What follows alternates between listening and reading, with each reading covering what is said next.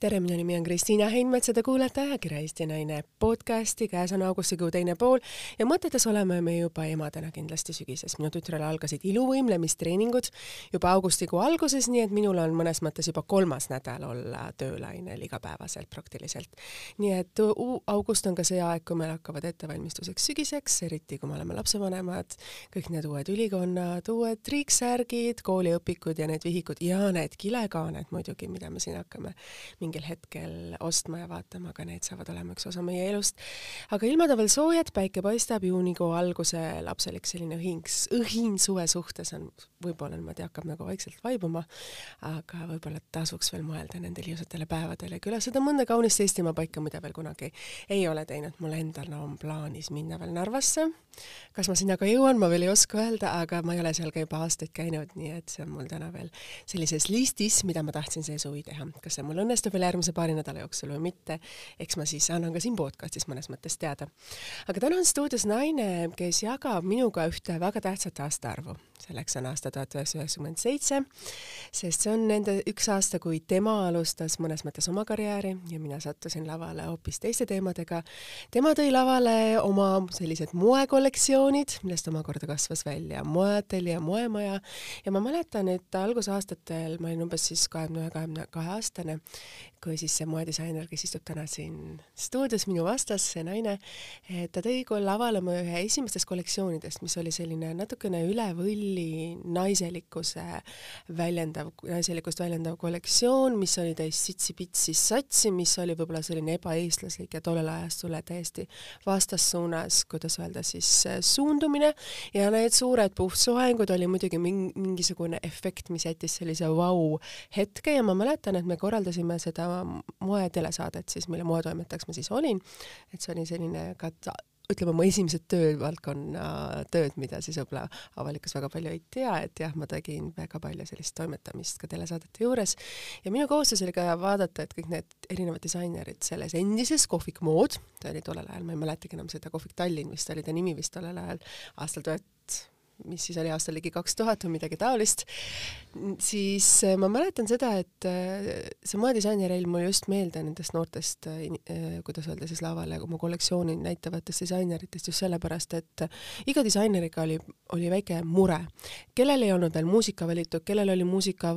ette nähtud liiga pikk, kellel ei olnud veel viimasel hetkel tegi kollektsiooni või asju, siis see naine, kes istub minu vastas, tal oli kõik olemas. tal oli muusika, tal olid kleidid koos, tal olid tüdrukud, tal oli kõik asjad niimoodi korraldatud, nii et see hetk, mis mul jäi ainult kollektsioonist, jäi ka tema professionaalsusest. ja seda on ka aeg näidanud, et kui sa oled töökas, sa oled distsiplineeritud ja sa teed oma asju täpselt sellise professionaalsusega,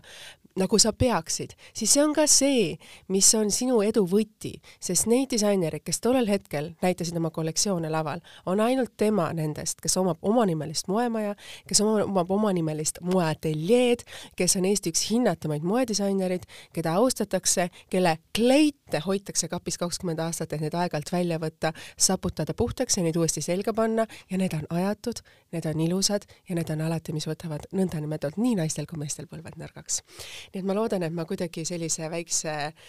sissejuhatuse sain tehtud, see on disainer, kelle loomingut ma veel ei ole kunagi laval kandnud, sest ma olen väga paljude Eesti disaineritele, kuidas öelda, kollektsioone laval näidanud, aga ma olen kordumatu arv teda intervjueerinud TV3 moerubriigi saates või siis oma sellise moesaate jaoks ja ma olen alati pöördunud tema poole, kui mul on vaja olnud professionaalset abi või professionaalset kommentaari mõnes moevaldkonnas. nii et tere tulemast äh, minu, kuidas öelda, Eesti üks lemmikdisainereid äh,, erakordselt imeline naine, erakordselt professionaalne ja väga selline sihikindlate ambitsioonikatega naine, nii et tere tulemast, Tiina Talumees! no tere, tere, aitäh imelise sissejuhatuse eest, et äh, tuju läks kohe paremaks ja vanu aegu meenutada, kuigi ma tegelikult, äh, ma, ma arvan, et ma saan sulle vastu vaielda, ma arvan, et, et sa oled modellina kõndinud minu riietes võib-olla tõesti, tead, ma ei, ma ei mäleta enam neid, sest et mingil hetkel oli... ma tegin, ma tean, et meil olid need moenädalad ja ma tean, et ma tegin ligi kümme-viisteist moedisainerit veel ülikooli ajal selle nädala jooksul läbi, kui meil olid need moenädalad, kui sa mäletad veel. et see võis olla ka selle aja sees, kuna, kuna ma ei lugenud neid moeetendusi no,, palju ma laval käisin mingil perioodil oma elus. arusaadav, ma arvan, et see oli, mi, mingi minu korseti ajastu, kus me sõlmisime neid korsetipaelu niimoodi oimetult iga, iga show ja, ja, Seda ja on mingid tehtud mul mälestused mul on jah sellest. ma, on seda tehtud küll, et ma, ma ütlen, ma ausalt ka ise ei mäleta, sest nagu ma ütlesin, see eh, ülikooli aeg oli see, need moenädalad, mis siis tollel ajal Eestis korraldati, kus kõik disainerid, kui sa mäletad veel seda aega, näitasid oma moeetendusi, nädala aja jooksul olid ja neid oli nagu palju tollel ajal, ei olnud nõndanimetatud see kahe tuhande kaheksanda aasta kriis veel üle käinud, kus siis eh, tõmmati, kuidas öelda, moemaju kokku või oli ikkagi see küllusaeg veel nagu väga suur. et jah, et sellest ajast ma ei mäleta enam, keda ma kõike olen laval kandnud. no muidugi et see oli töö, et ühest kollektsioonist järgmisesse proovi, järgmise, järgmine kord lavale jah. kolm show'd päevas. ma ei mäleta ka kõiki oma modelle, nii et aga kuidagi no me oleme pigem juba tänaseks juba sõbrannad ja teeme tassi kohvi ja räägime no, muust maailmast ja meie lapsed on nii imearmsad, mängivad koos, nii et meil on palju rohkem ühist kui lihtsalt mood. just aga hakkame pihta siis sellest, et kus sul armastus moe vastu on tulnud ja kuidas sa nagu oled suutnud kogu see aeg ikkagi selles valdkonnas olla, et siin on nii palju tõuse ja mõõne ja eriti praegu, kui raske ja keeruline periood meil on. ja raske on ja ja noh, midagi ei ole teha, eks ju, et see armastus on olemas ja seda, seda vagu ma künnan ja, ja noh, senikaua ilmselt, kui, kui tervise juures olen. no ma loodan, et see nii on, aga, aga muidugi see on ikka sealt lapsepõlvest äh,, lapsepõlvest alguse saanud ja, ja ega ma alguses ei uskunud, et ma tegelikult ikkagi selleni ka päriselt jõuan, ma arvasin, et äh, vabandust nüüd selle väljenduse pärast, aga et ma hakkan midagi asjalikuma tegema ikkagi oma elus ja ja, ja kõigepealt noh, saigi reklaamivaldkonnas äh, toimetatud ja ja no erinevaid asju proovitud, muidugi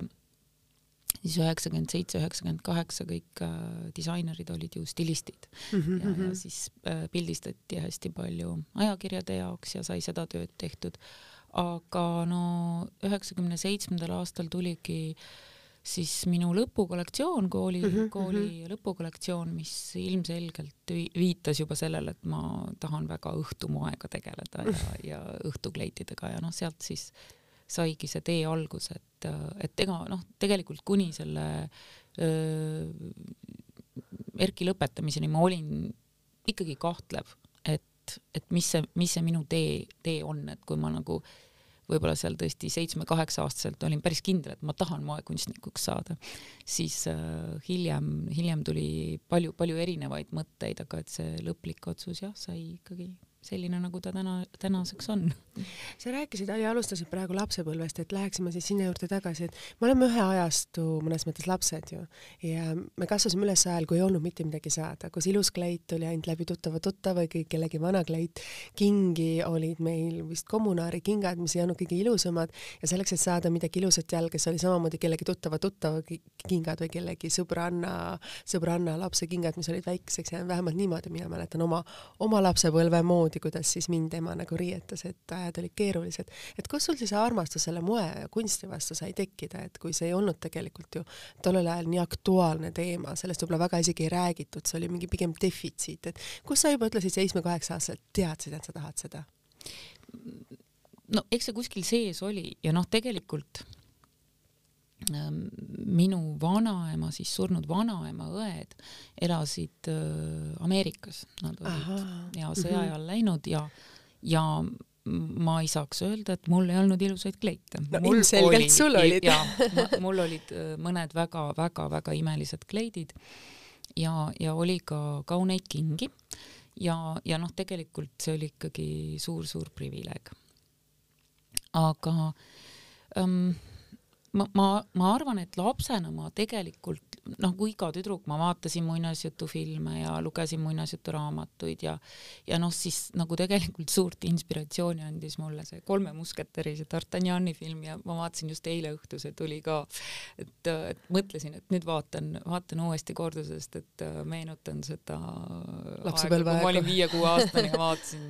neid, neid kleite seal suu ammuli ja siis joonistasin järgi, et et see oli, oli selline suur inspiratsioon, et ma tegelikult pigem siis alguses lapsena elasin sellises ajaloos ja nendes, nendes äh, nii-öelda printsessikleidides ja siis mulle meeldis vaadata vanu mm, maale ja, ja siis sealt kopeerida ja, ja joonistada ringi kleite. kas su ema või vanemad viisid sind või, või sugulased viisid siis nendele muuseumitesse või sa ütlesid, et sulle meeldis vaadata vanu maale, et see ei olnud ju tollel ajal tegelikult traditsioon, et muuseumis käia? Isaga ma käisin hästi palju, e, just Kadrioru lossis käisime päris palju, et mm, ja, ja meil kuidagi sattus ka olema kodus palju kunstiraamatuid ja siis neid mulle meeldis vaadata sealt see kirg siis sellise ilusate kleitide vastu? ja, ja see sellise ja noh, tegelikult lapsena ka, ega mulle kuidagi tundus, et ma tahaksin elada hoopis, hoopis äh, mõnel teisel ajastul nagu ikka, et noh, siiamaani, siiamaani ma ihalen neid kolmekümnendaid, neljakümnendaid, et et, et see, see, see pole tänini kuhugi kadunud nii armsalt nagu sa kirjeldad oma seda kirge ja asju, mis on täna su tegelikult professioon, su töö, su armastus su mõnes mõttes ka sitsi-pitsiline tütrekene, et sul on endal ju ainult poeg, et ma tean, et ja, me oleme sellest ka ja. rääkinud, et aga äh, tänaseks ma olen nagu isegi, isegi äh,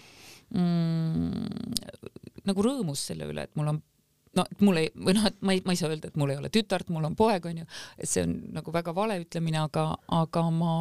ma arvan, et meie need riietus, riietumise vaidlused läheksid väga karmiks, et, et äh, poeg äh, kommenteerib oma rõivaid ainult nii, et kas on mugav ja kas on pehme, et sealt nagu või võib-olla mõni, mõni pilt või mõni selline mm, teema siis, mis nende riietele on prinditud või, või, või siis tikitud, et need on vahel olulised, aga üldiselt need vestlused meil väga pikad ei ole.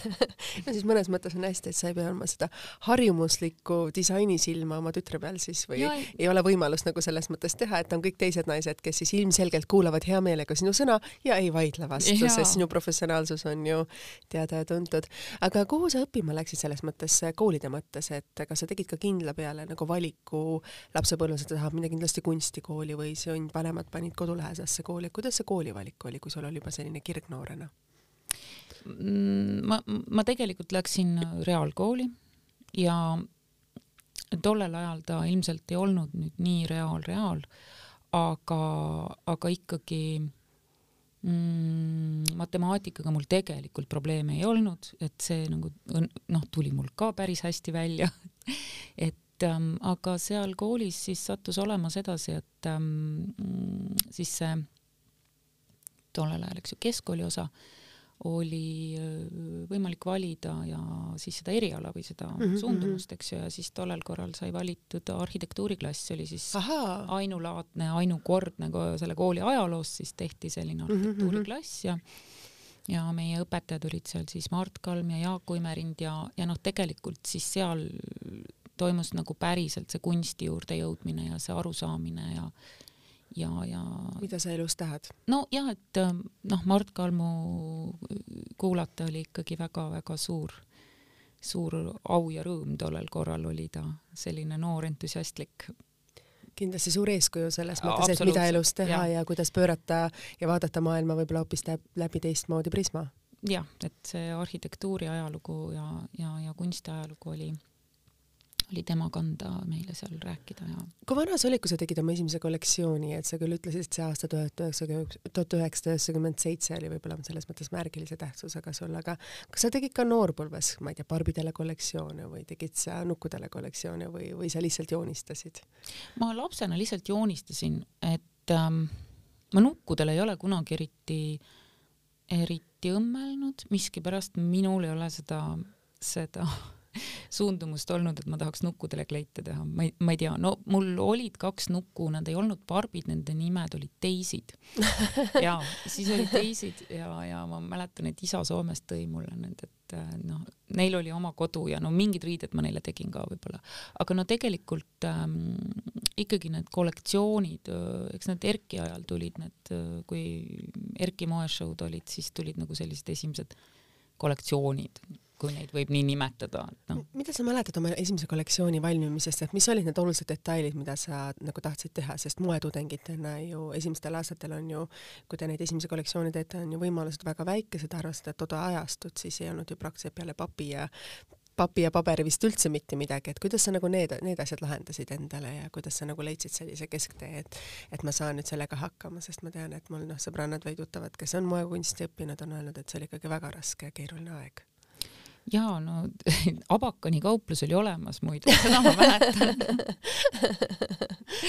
Mida seal müüdi, no ilmselgelt äh, ei olnud seal midagi sellist, millest me tänapäeval, äh, millest mina tänapäeval riideid valmistan ja need väärtused ja need hinnangud on ikkagi nii kardinaalselt muutunud, et Erki moeshood olid ikkagi suunatud mm, hoopis teistele väärtustele, et seal oli pigem see efekt ja see selline tormakas lähenemine ja šokeerimine, need olid esmased, esmased asjad, mis seal olulised olid, et et ma, ma arvan, et seal võis olla esimene kollektsioon ka mingi selline neljakümnendate inspiratsioonid, mingi neljakümne, noh, midagi ajaloost mul, et ja kui sa räägid nendest äh, neljakümnendate ajaloost ja sellest, et miks just see ajastu nagu sinu jaoks või kolmekümnendad on nagu sinu jaoks nagu kõige südamelähedasemad mm,? noh, eks, eks seal nagu vaikselt saab alguse see selline no, Preta-portee ja võib-olla seda ka, et, et see, et see mood on läinud nagu selle, selle võrra nagu lihtsamaks mm, -hmm, kantavamaks, et noh, et see Coco Chanel'i selline vabastavad ütleme, ideed. jah, vabastav lähenemine ja kogu see, mm, see on siis juba teoks saanud ja, ja noh, lihtsalt noh, kolmekümnendate need äärmiselt elegantsed diagonaalkleidid, no nende vastu lihtsalt ei saa mitte miski, eks ju. et Ähm, ja, ja kuidagi see välja peetud oleks see, see daamilikkus, see iga sõna valimine, iga äh, liigutuse analüüsimine, iga, iga käitumis äh, nagu mudel oli välja mõeldud, et seal ei olnud mitte midagi juhuslikku, eks ju, et noh, see on loomulikult selline kõrgklassi, kõrgklassi teema, aga aga jah, noh, eks varakamad inimesed on sedamoodi selles mõttes ju edasi viinud ajast aega, et, et lihtrahval on olnud oma mood ja, ja, ja, ja see, see tolle aja tolle aja kombestik ja, ja rõivastumine kuidagi on lihtsalt südamelähedane. on sul jäänud nagu hinge, et ilmselgelt, äh, kuidas öelda, on tänapäeval ju mood hoopis teistmoodi, et meil on küll haute couture ja pret-a-porter, aga see haute couture'i osakaal on nii väike võrreldes siis selle argipäeva moega, kui me mõtleme ka suurte disainerite kollektsioone, et kuidagi need äh, moeshow'd, mis on võib-olla nendel tavamoenädalatel, on olulisemad kui need juulikuised Pariisi haute couture'i nädal näiteks moenädal ma arvan jah, et, et eks need noh, eks see Couture'i mm, Couture'i teema on, on, on jõudnud nagu sellesse faasi, et on, on pigem selline etenduselaadne, pigem selline tähelepanu tõmbamine ja, ja, ja ja seda nüüd siin viimase, viimasel ajal tõepoolest äh, ei ole saanud ju ka suured staarid kanda, et lihtsalt ei ole olnud seda võimalust ja, ja noh, eks see mood sinnapoole nüüd natukene liikunud on ja, ja eks ta läheb veel, veel rohkem igapäevasemaks ja praktilisemaks, aga et noh, seal nagu mängivad rolli hoopis teised väärtused, et et just see sisu ja, ja kvaliteet on saanud uue tähenduse täiesti materjale, siis ökoloogiline jalajälg ja need õiged materjalid ja õigetes tehastes valmistatud, et ei oleks, kuidas öelda siis, lapstööjõudu ja need on nagu hästi oluliseks läinud, sest noh, kui me võtame, siis täna on praktiliselt igal moemajal, iga disaineril ka dressid või sellised casual kollektsioonid, ka sinul ju. ja no sest noh, iseenesest, kui sa oled selle otsuse teinud, et sa pille kotti ei pane, siis sa, sa pead elama just selles hetkes, selles ajas, just selles praeguses äh, olukorras toimetama ja, ja, ja tegutsema, et, et ja vastavalt noh, sa ei saa riideid teha äh, iseendale, sa teed ju ikkagi teistele ja, ja, ja arvestad sellega, kes me oleme, kus me oleme, mis me teeme, eks ju, et noh, see, see on see, see, see lõiv, mida sa pead maksma, et noh, jah, tahaks küll teha õhtukleite, aga no. kus sa neid kannad, kui meil on koroonaaeg, kus nagu ja. nendes ägedates dressides on palju mugavam võib-olla õue korra jalutama minna tunniks, sest rohkem ei ole lubatud? noh, loodame, et nii hull olukorda enam ei tule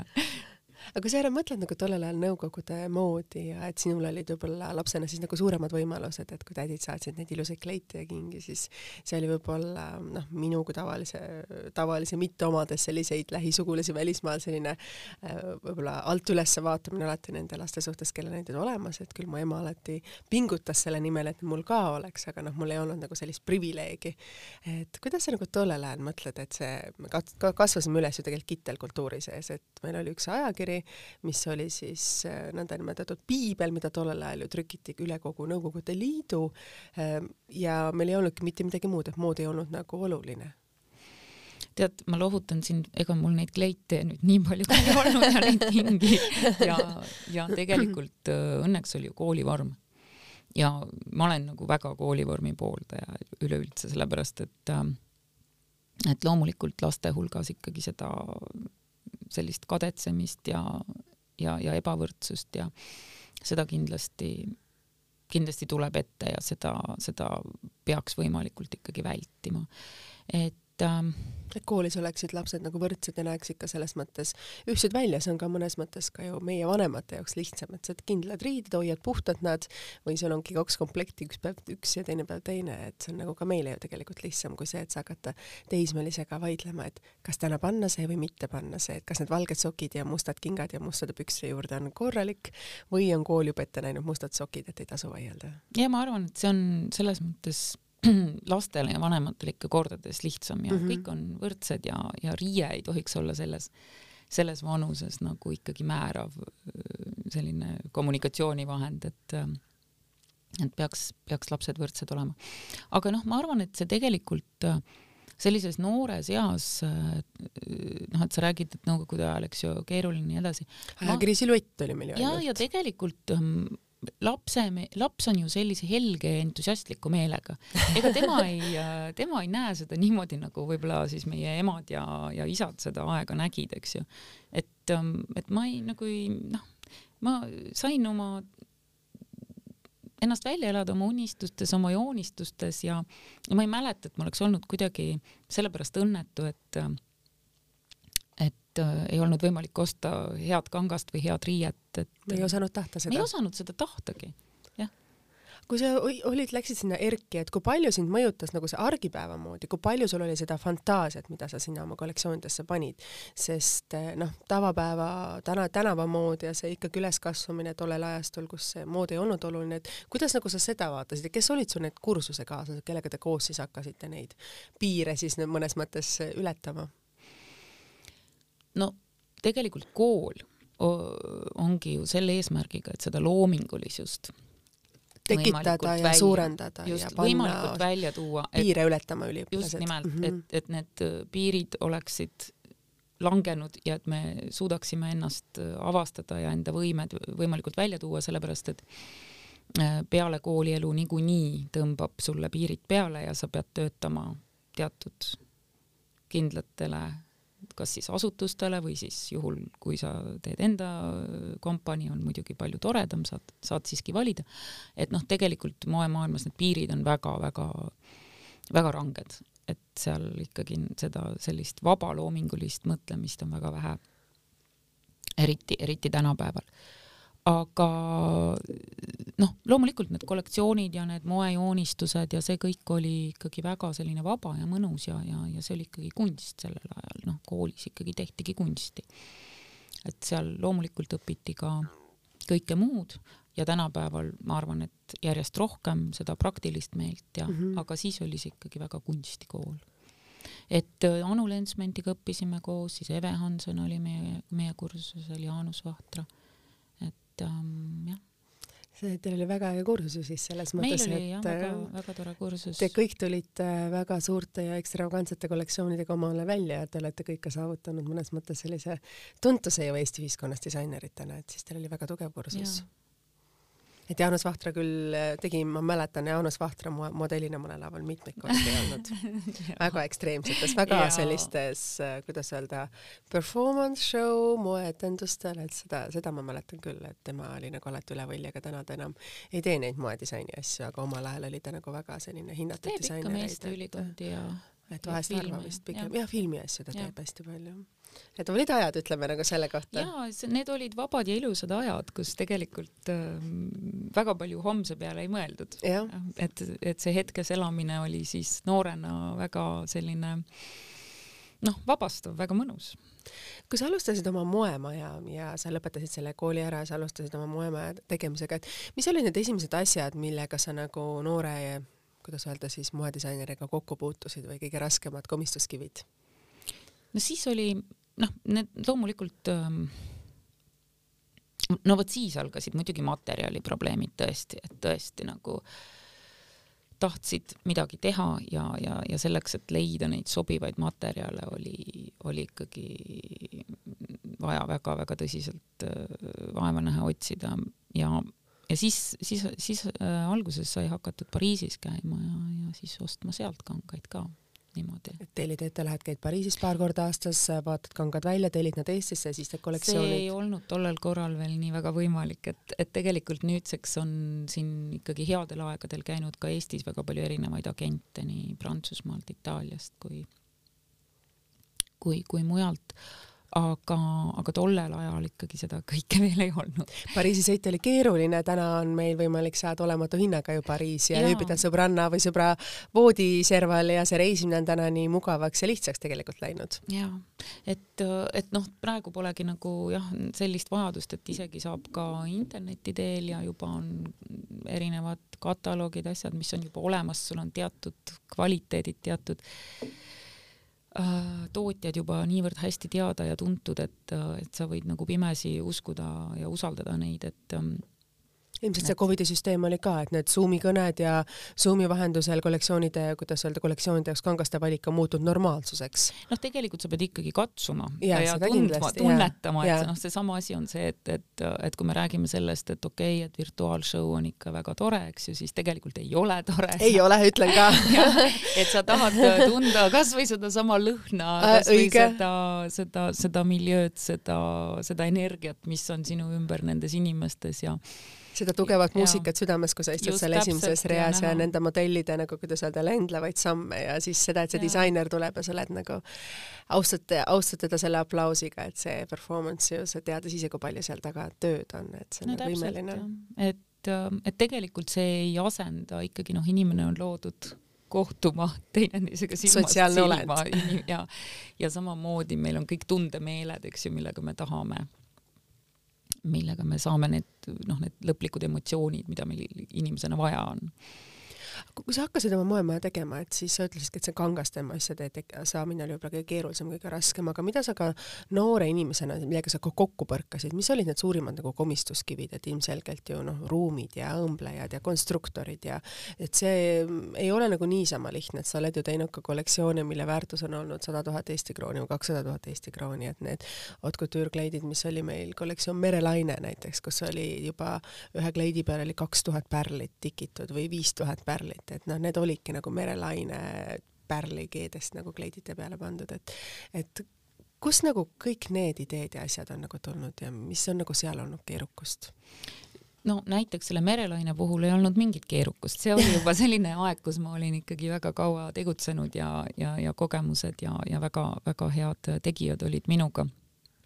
et see algus oli selles mõttes keeruline, et, et tegelikult ei olnud ju äh, päevagi õppinud ähm, äri tegemist, et iseenesest ähm, see, see oli, oli selle asja juures ikkagi suhteliselt keeruline, see, et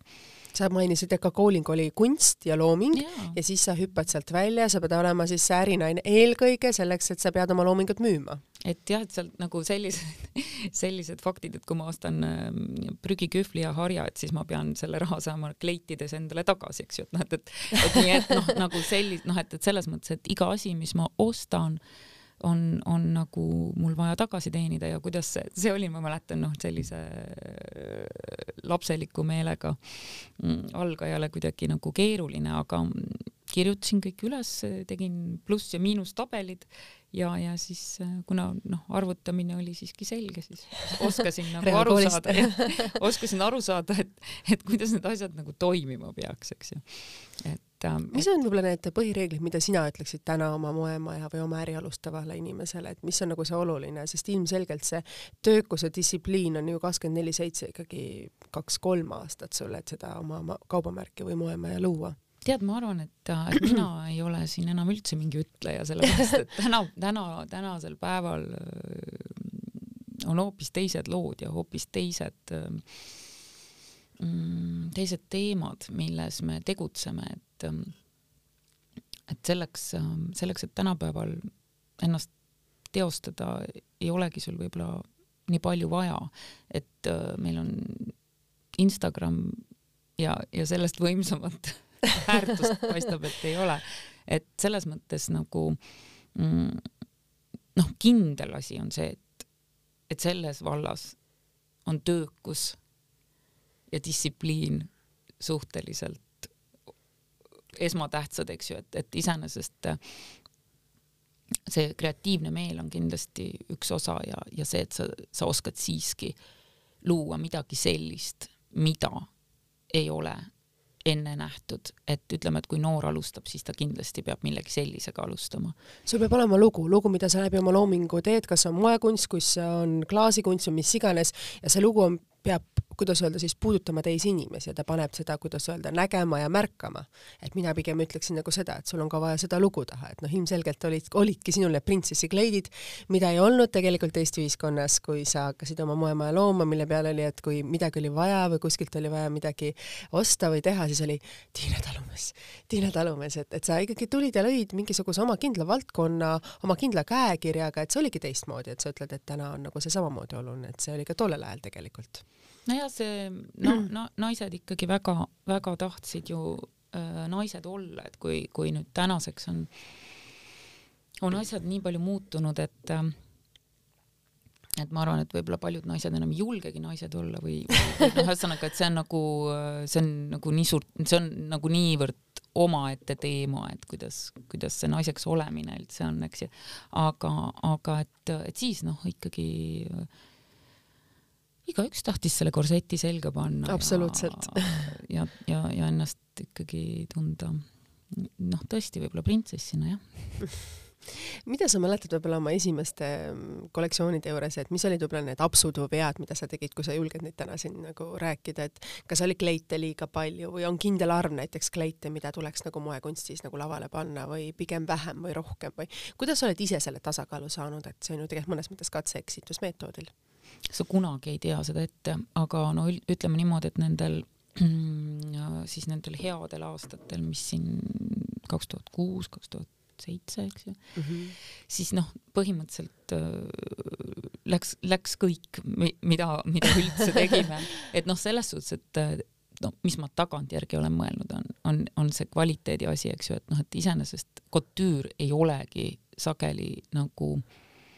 mm, midagi, mida sa kannad mida viis sa... päeva nädalas kolm just, aastat järjest. just, et noh, seal ongi nagu see, et, et, et need tikandid ja detailid ja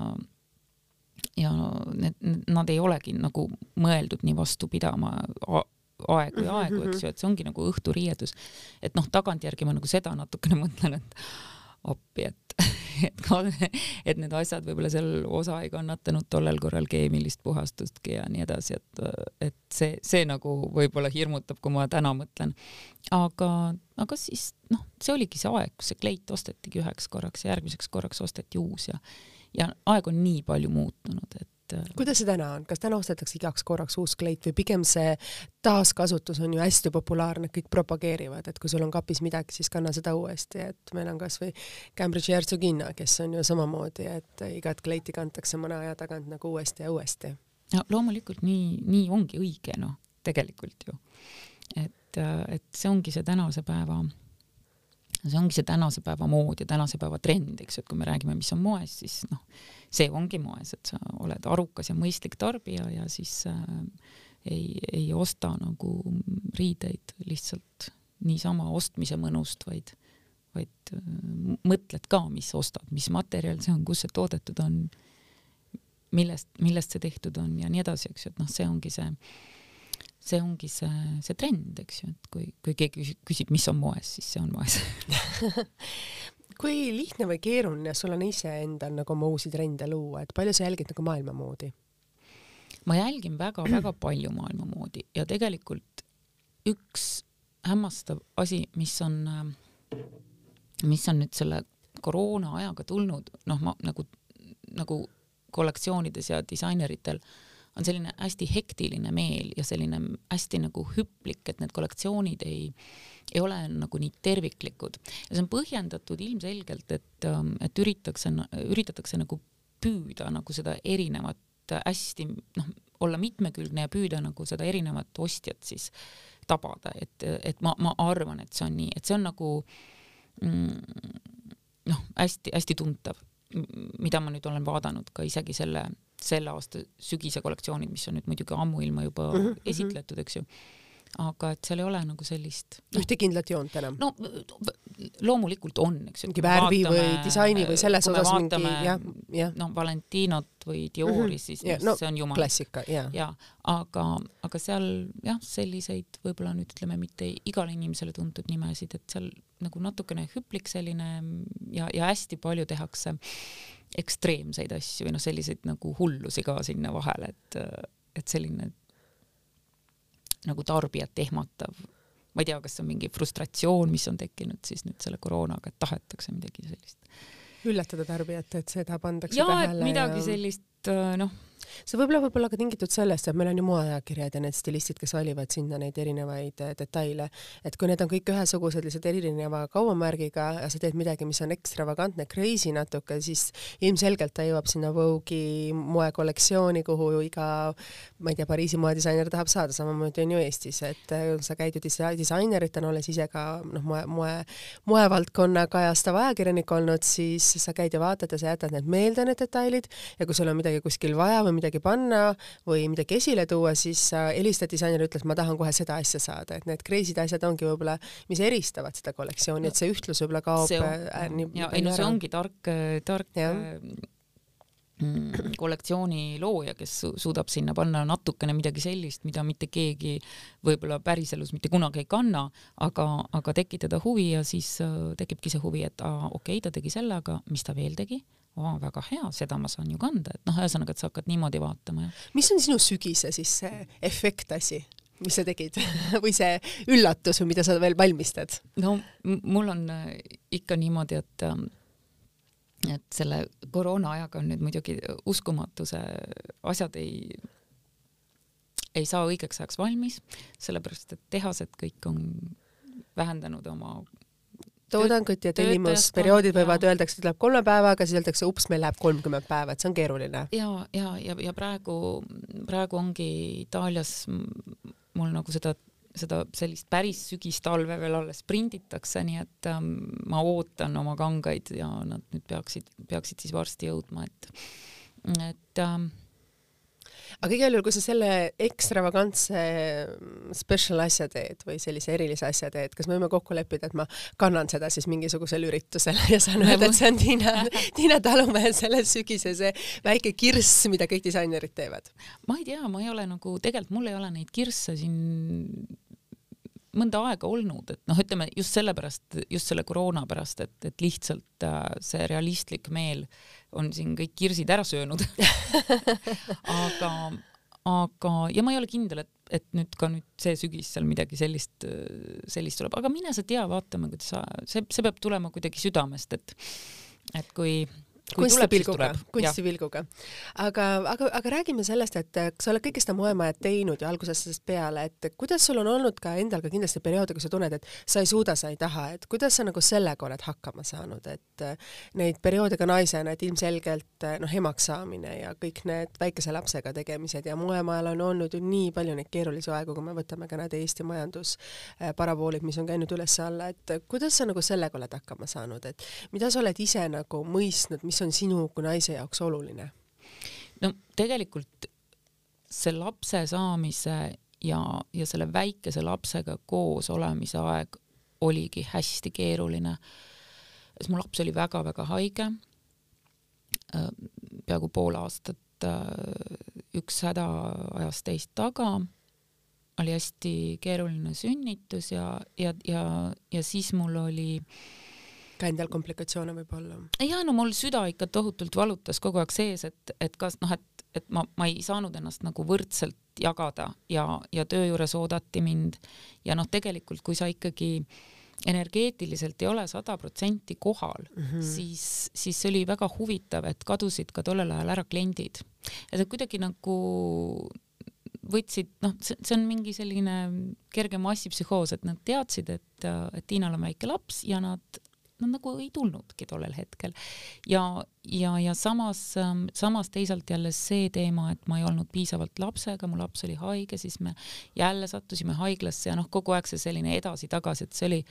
see oli väga-väga raske aeg, et ma tegelikult noh, väga-väga vähe magasin siis ja, ja noh, see see päris, see väsimus saabus alles siis, kui, kui kõik nagu oli juba möödas ja oli hakanud toimima kenasti ja laps läks lasteaeda ja, ja asjad nagu hakkasid liikuma, et, et vot siis tuli see väsimus alles, et siis ma sain alles aru, et okei okay,, et nüüd, nüüd nagu, nüüd nagu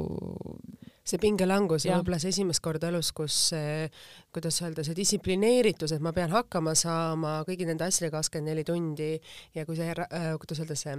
lõdvestuse hetk tuleb, et kuidas sa nagu seda üle elasid või kuidas sa seda võtsid? Et mis, sest ilmselgelt ma kujutan ette, et seal võis olla ka mõni päev selline, et sa ei suutnudki enam püsti tõsta, sest ma arvan, et see tuli suure laviinina, kui sa said aru, et sa said kõige sellega hakkama, et sa suutsid kuidagi ikkagi seda koos hoida, et seda keerukust äh, laveerida selle lapse ja asja vahel, et kuidas sa nagu, see võis tulla kindlasti sul sellise võib-olla lainena, et äh, no mul on alati olnud tohutult hea tiim ja, ja mul on mhm, kuidagi mhm. selles mõttes nagu ma ei tea, mul on kuidagi inimestega nagu vedanud, ma, ma, ma ei, noh, isegi ei saa, ei saa nagu sageli aru, et kuidas mul nii hästi küll on läinud et mul on hästi toredad ja mõistvad inimesed ja, ja loomulikult ma püüan sama, samaga alati vastata minu ümber. et ähm, sa küsisid jah, et kuidas see, see väsimus tuli, no tegelikult on niimoodi, et, et sa ikkagi hästi oluline on seda oma keha kuulata, see on nagu klišee, mida ma räägin, onju, ja, mõista ja siis anda andeks endale neid asju, et et noh, et me üritame ju ennast kogu aeg sakutada, et nii, miks sa väsinud oled mm, -hmm. miks sa ei tee seda võta ennast kokku, hakka liigutama, onju. et noh, et, et tegelikult, et kui sa lasedki sellel, siis kui su keha ütleb sulle, et nüüd on kõik, et siis sa pead lihtsalt enda keha kuulama ja, ja, ja seda ja. niimoodi tegema. et noh, tegelikult ongi see, et, et iseenesest ju pere ootab ka oma mm -hmm. ja, mhm. ja noh. abikaasa, pere, laps, kõik töö, sõbrad. et, et tegelikult ähm, mul on siiamaani väga palju neid hetki, kus ma, kus ma ikkagi nagu olen nii miskipärast nii väsinud, et ma olen noh, selles mõttes pilditu, et ma lihtsalt magan ja, ja, ja, ja siis tulebki see, see hetk võtta ja, ja kuidagimoodi ennast üritada teistele selgeks teha, sellepärast et, et see ongi see, et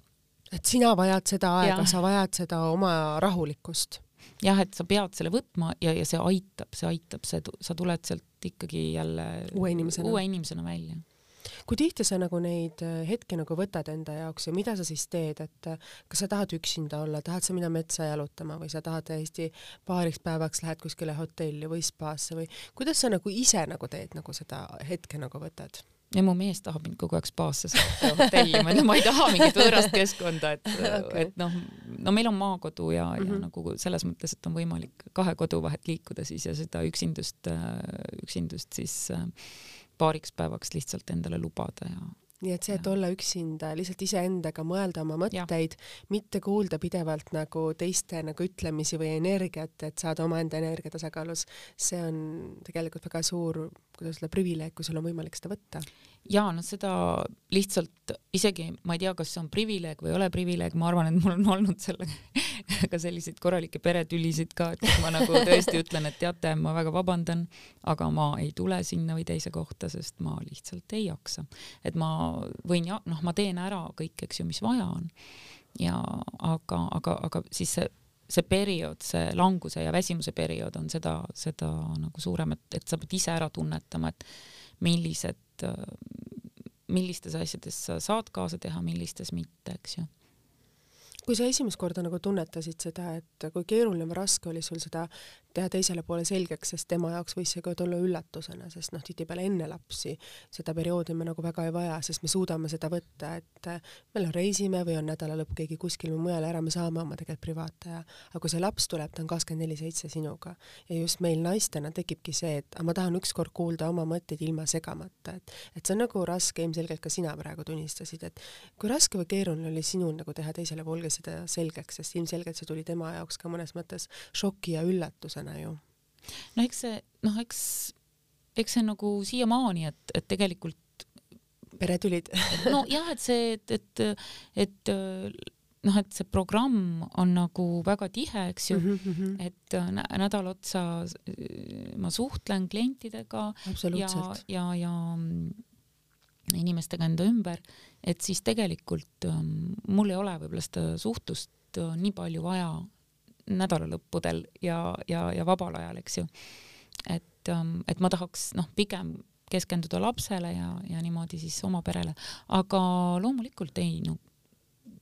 heade inimeste seltskond on alati lõõgastav ja tore, et ega siis,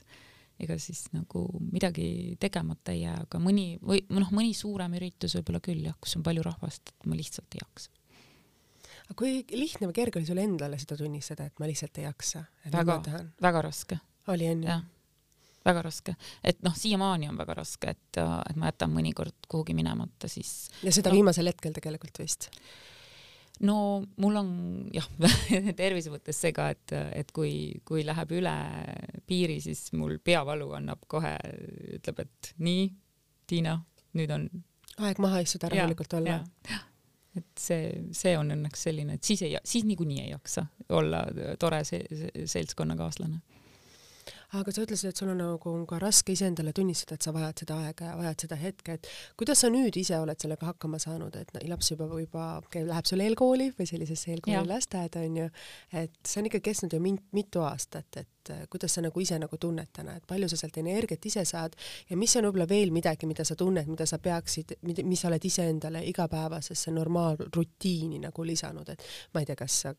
mängid golfi, mängid tennist, käid jõusaalis või teatris või loed raamatut, et et me mingil hetkel ju naistena teeme endale sellised valikud, et mis me igapäevased head rutiinid on, et hoida ennast tasakaalus.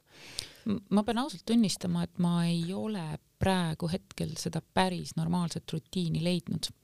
et äh, see elu on ikkagi nii hektiline olnud ja, ja kui mul on, kui mul on aega üle, siis ma kahjuks olen selle tööl, et noh, selles mõttes see, seesama see tubli disaineri elu ongi noh, tegelikult see on selline elu, et, et tööl peakski olema kakskümmend neli tundi. et siis, siis nagu on hästi ja, ja, ja jääb veel aega puudu, eks ju. et noh, et, et ma arvan, et, et kindlasti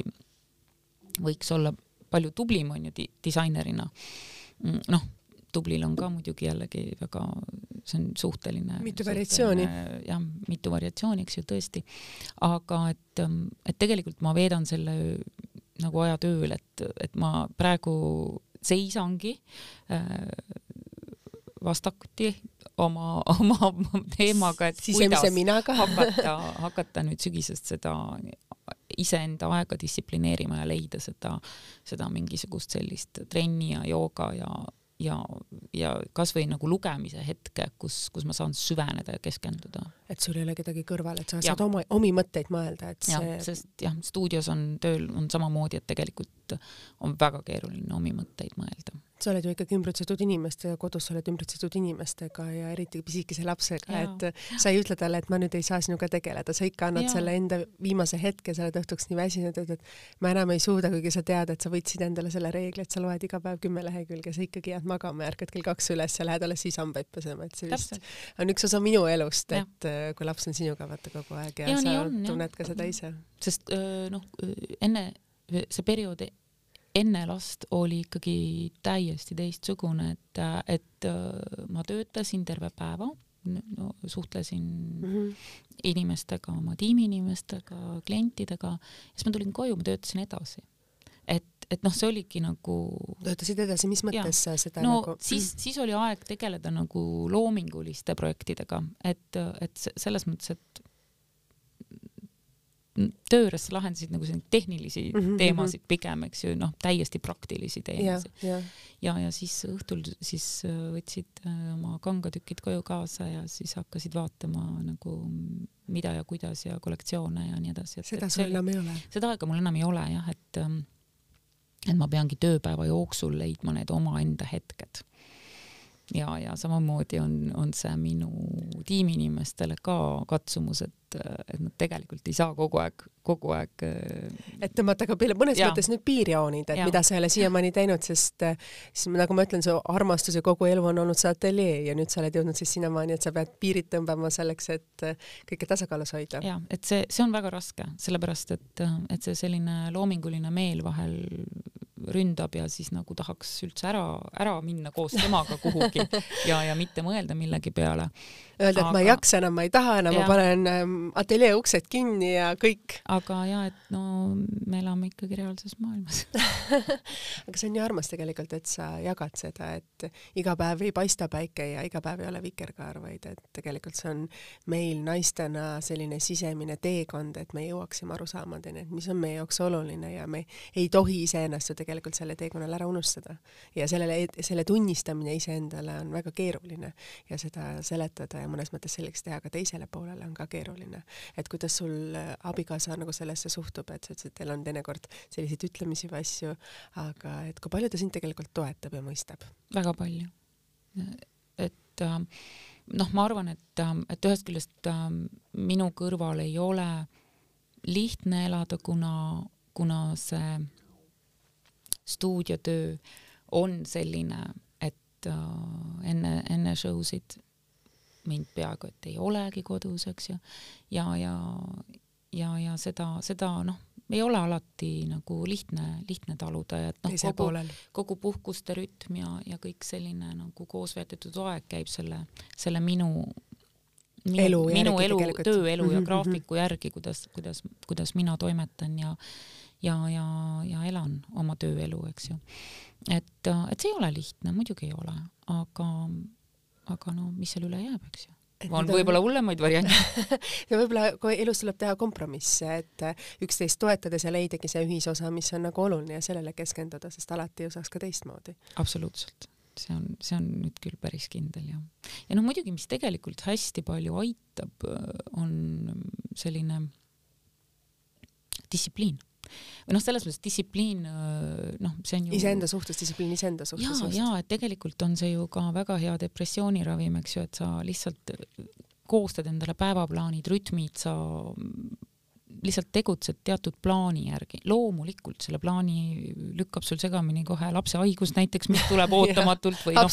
ma ei tea, mis asi, eks ju, aga et noh, vähemalt, et, et, et mingit pidi püüda sellesse kindlasse rütmi saada ja noh, tegelikult need koolipäevad ja need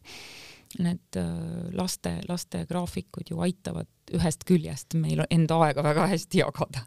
et me peame lihtsalt äh, selle aja, mis meile antud on, siis äh, efektiivselt, efektiivselt ära kasutama, et sellist asja, et ma lähen sõbrannaga pooleks tunniks kohvile, võib-olla me ei saa endale nii tihti lubada, et me teeme seda mõni teine kord. absoluutselt, absoluutselt ja noh, muidugi meil siin see elurütm on tohutult kiire et, et minu arust ainult kiireneb. iga aastaga et... see ainult nagu suureneb, see kiirus, millel sa pead nagu selles rongis kaasa jooksma, on nii kiire, et sa mingil hetkel tunned, et kas ma jaksan kinni hoida. ja tegelikult iseenesest ju ei ole vaja. et noh, selles mõttes, et, et, et noh, Hispaanias ma olen väga palju käinud ja, ja, ja seal olnud ja elanud ja, ja noh, nende rütm on niivõrd teine, et see on täiesti uskumatu. et, et ja tegelikult nad ei, nad ei kaota ilmselt mitte midagi, sest noh see, see hetk on neil ikka olemas ja nad, nad võtavad rahulikult, noh see on mõnes mõttes ka eeskuju, et kui me vaatame neid lõunamaa, kuidas öelda, kultuure ja see, kuidas nad oma elu üles ehitavad ja see rahulikkus et nagu praegu ei saa, no siis teeme homme, et see manjana on võib-olla nagu see rohkem süvenenud meile, mis mõttes homme, et kohe on vaja teha. ja, ja ongi, et, et noh, seal on muidugi noh, meil on suurepärane, eks ju mm, digimaailm siin, me saame kõik asjad lahendada see siin tead minutitega internetis, aga seal ei ole seda, seal see on noh, see on ikkagi nagu, nagu täiesti, täiesti nagu selline noh, rännak, rännak. teise maailma. jah, et, et sa vaatadki ja, ja, ja siis, aga noh, tegelikult elus ongi hoopis muud asjad olulised, ei ole ei ole oluline, et sa saaksid kõik lepingud ühe päevaga sõlmitud, võtad rahulikult nii et kas elu on siis õpetanud sind, kuidas öelda, mitte nii tormakas enam olema? No tegelikult ju see koroonaaeg pidi meid kõiki õpetama ja, ja kõigile seda kõike näitama, aga mulle tundub, et ümberringi mitte midagi ei ole muutunud, ma väga vabandan, kui ma nüüd kedagi solvan, aga, aga et ikka me tõmbleme nagu samas vaimus edasi ja ajame midagi taga, midagi, ma ei tea, mida tegelikult, et et me ei oska nagu olla ikka rahul. elada hetkes ja, ja olla rõõmulik, rõõmu saada ja. ja tunda tänulikkust selle üle, mis meil on ümber. täpselt, et no, et lihtsalt olla seda, seda me ei oska. aga sellest tuleb nii palju jõudu ja energiat tegelikult. et see on, see on tegelikult äh, väga õige asi, mis sa öeldud, et lihtsalt olla. et see on midagi, mida me tegelikult lubame endale kõige vähem. ja see ja, on tegelikult sest... see, mis on meie jaoks kõige olulisem. jah, sest see tundub nii suure patuna. jaa, absoluutselt mm. -hmm. ma olen sinuga absoluutselt nõus, et ma lihtsalt võin olla et ma olen ka nüüd tegelikult õppinud alles viimase kolme aasta jooksul, et seega ma võtan aja, et lihtsalt olla, see on täiesti okei okay ja ma ei tee mitte midagi mm -hmm. ja ma ei pea tundma sellest süümepiinu või, ja mul on õigus öelda seda lastele, mul on õigus öelda endale ennast ümbritsevatele inimestele, et ma lihtsalt olen, mida sa teed, ma ei tea ise ka, ma lihtsalt olen mm. -hmm aga ma korra küsiksin nüüd, ütleme sellise asja, et kuna meil on juba kellaaeg sinnamaale, me peame hakkama saadet vaikselt kokku tõmbama, me oleme läinud väga sügavale selliseks, kuidas öelda, naiseks olemise teemadesse, nii sinu poolt kui minu poolt, et võib-olla lõpetaks saate sellistes,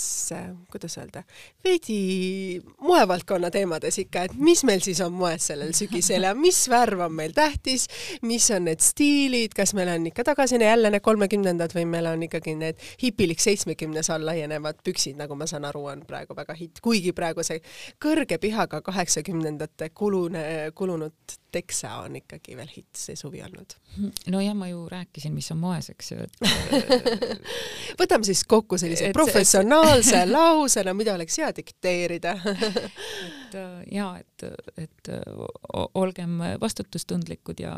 ja, ja mõelge kõik oma ostud läbi ja, ja vähem on rohkem. ja vähem on rohkem ja, ja tegelikult mul endal ei ole ka üldse palju riideid, mis kõlab, kõlab väga